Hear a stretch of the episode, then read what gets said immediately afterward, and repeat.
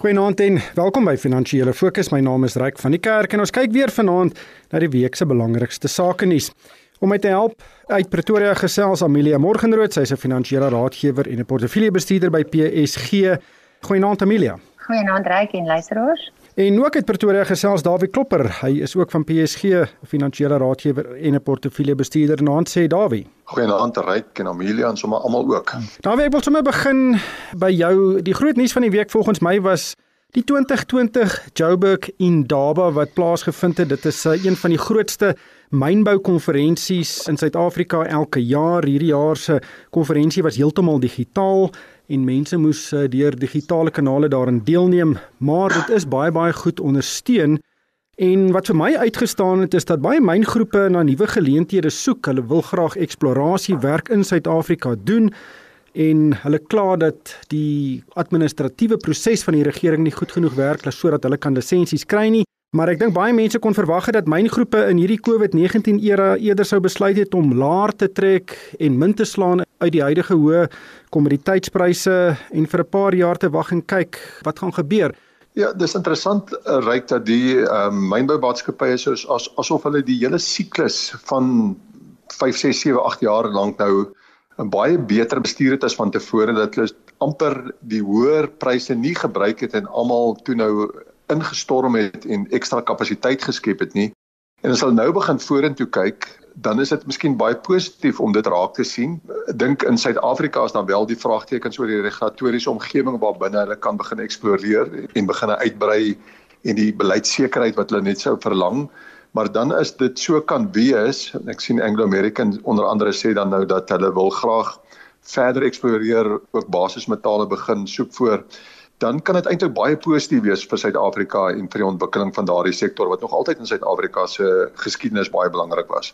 Ja, Amelia Bernard Swanepoel, hy was 'n voormalige hoof van Harmony, hy dien nog steeds op die direksies van verskeie mynmaatskappye, het gesê dat daar is sedert die laat 1980s nie behoorlike of genoegsame eksplorasie in Suid-Afrika gedoen om 'n toekomstige mynboubedryf te verseker nie, want dit vat baie baie lank vandat jy nou die eerste gat boor om te kyk of daar nou minerale is totdat daar eendag 'n myn opgebou word. Dit kan tot meer as 20 jaar vat.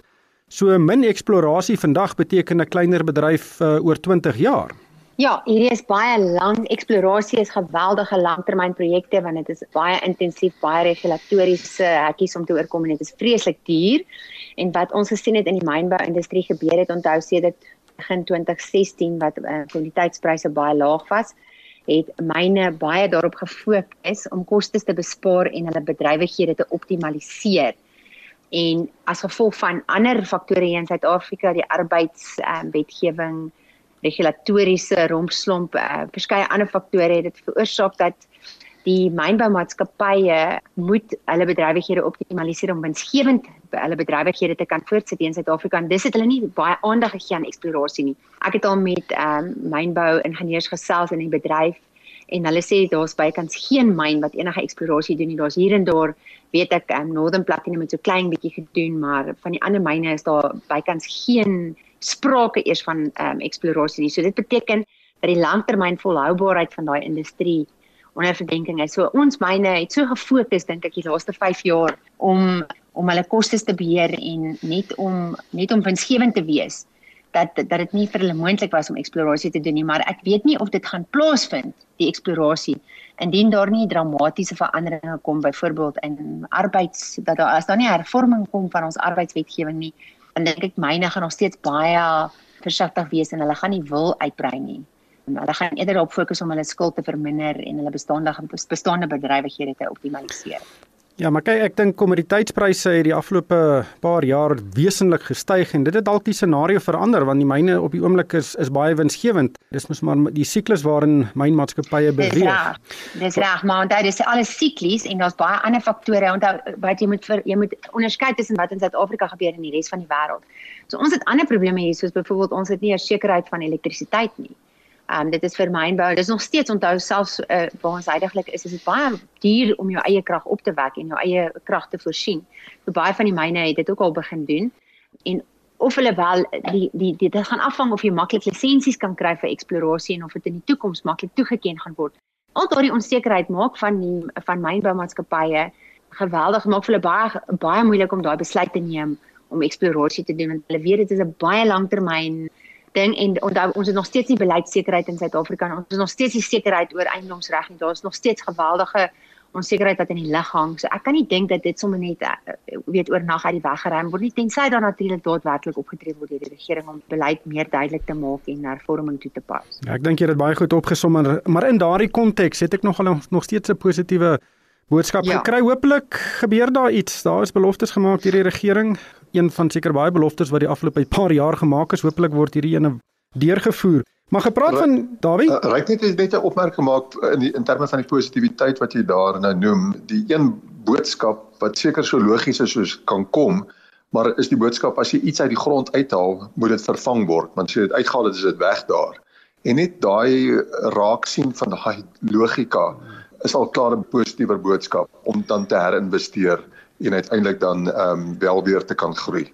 Maar Dawie Andre de Ruyter die uitvoerende hoof van Eskom het ook 'n voorlegging gelewer. En hy het 'n paar dinge gesê wat eintlik baie um, elegant opgesom het en hy het gesê die grootste probleem vir Eskom is sy skuldlas. Dit staan bykans 500 miljard rand. Hy sê dit moet afkom tot omtrent 200 miljard rand vir Eskom om lewensvatbaar te wees. So daar's 300 miljard rand wat van daai skuld wat iewers heen moet gaan en daar word nog gepraat oor hoe dit gedoen word. Die tweede ding wat hy gesê het dat uh tariewe sal moet styg.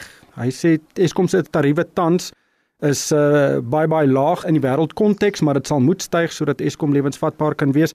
En toe het hy ook gesê die proaktiewe instandhoudingsprogram is besig om vrugte af te werp en hy voorsien dat teen September aanstaande jaar gaan die risiko vir beerdkrag baie baie laer wees as wat dit nou is. Hoe het jy sy boodskap geïnterpreteer?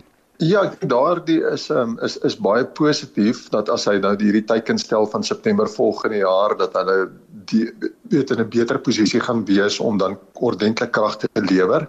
Die een ding wat mense net miskien sou vir hom wou gevra het is is tot watter mate het hulle dan ook voorsien dat daar dan ook wel weer meer ekonomiese groei in die land gaan wees, meer uh, vraag na elektrisiteit gaan wees, meer as wat dit nou is, meer as die 7% waarmee dit nou op die oomblik laer is as 'n paar maande terug of 'n jaar terug. Tot 'n watter mate het hulle voorsiening gemaak vir daardie ekstra of addisionele vraag wat dan behoort te ontstaan.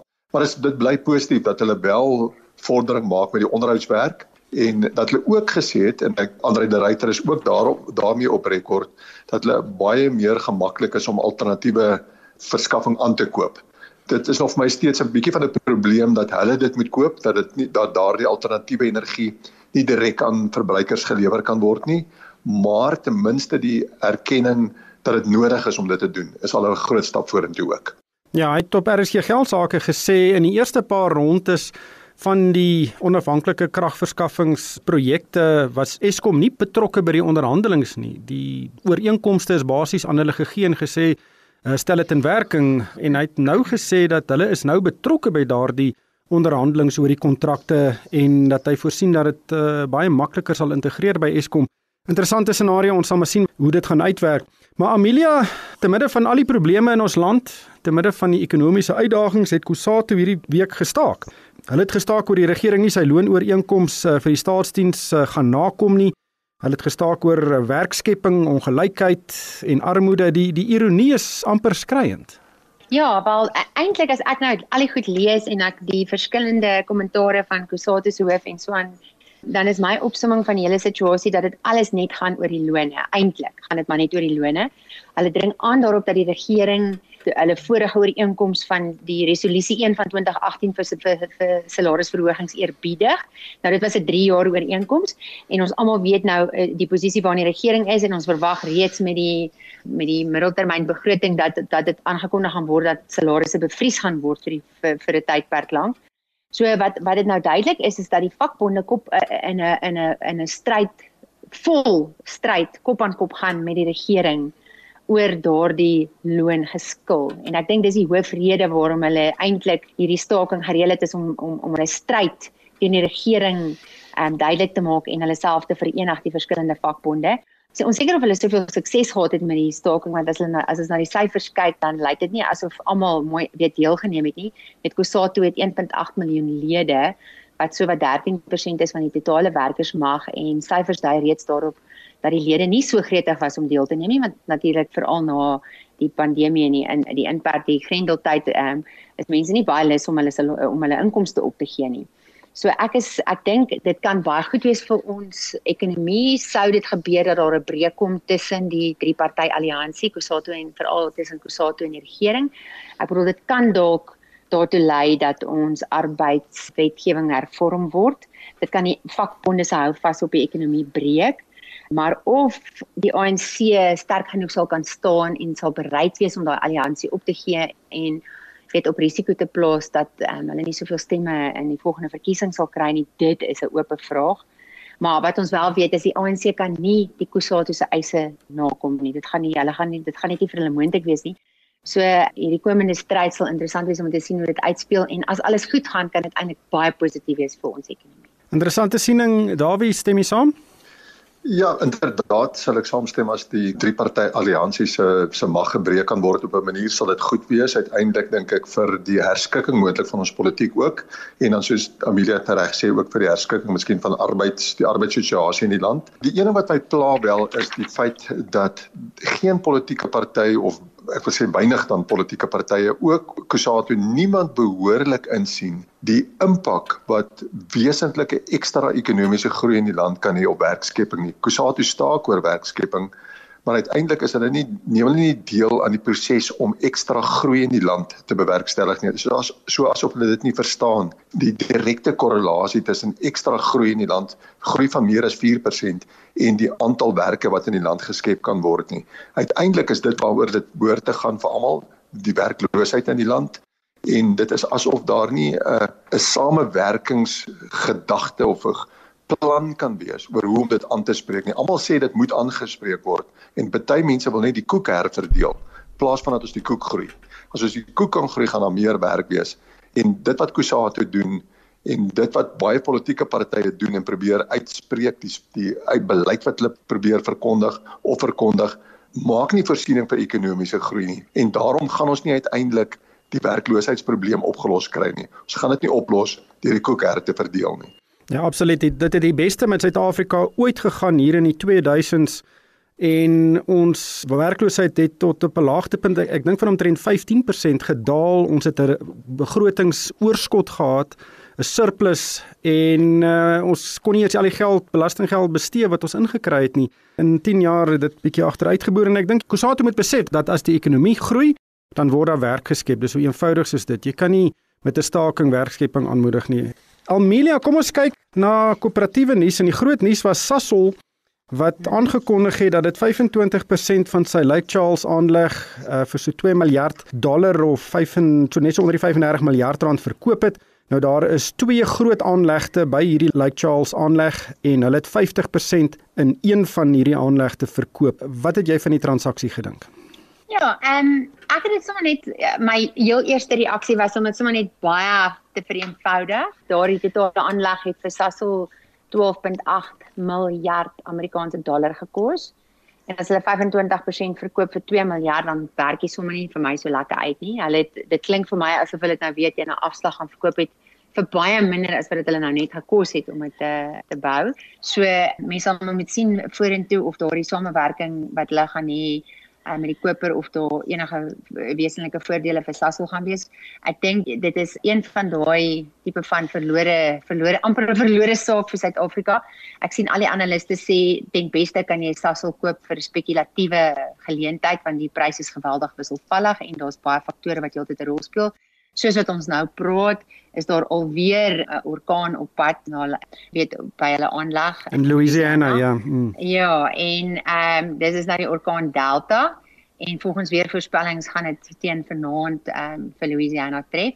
Ek wil hulle nog nie as elektrisiteit die vorige orkaan het veroorsaak dat die elektrisiteit toevoer na die na hulle aanleg toe ehm um, onderbreek is en daardie elektrisiteit nog nie eens aangeskakel is nog nie eens weer aan nie. So dit is nou 2 maande na orkaan Laura ook ehm um, daai daai area getref het. So ek dink hier weer is 'n baie moeilike ligging wat hulle gekies het vir hierdie aanleg wat ons nie eers van bewus was selfs tydens al hierdie gebouery in die aanleg en al die negativiteit rondom die ekstra kostes wat geeskaleer het nie. Boonbehalwe dit is dit ook 'n gebied wat geweldig geteister word deur or orkane en dan wat die probleem is, jy het dalk versekerings teen skade wat deur die aanleg aangerig word, eh, maar jou produksie wat onderbreek word is nie so maklik om te verseker nie. So daai daai is waarskynlik wat verliese wat jy dan gaan ly.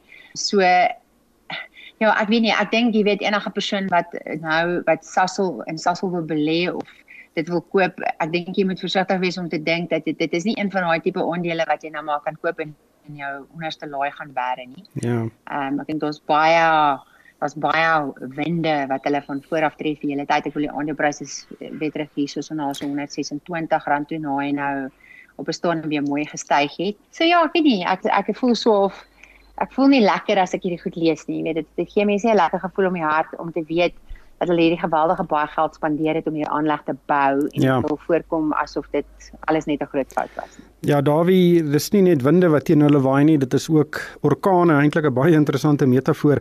Maar die groot ding wat Sasol nou wil doen is om die regte uitgifte wat hulle beplan vir volgende jaar so klein as moontlik te kry. En dink jy hierdie bateverkope, hulle het nou al 'n hele paar bates verkoop, hierdie is nou die grootste ene, kan meebring dat daardie uitgifte kleiner is as wat uh, nou verwag word?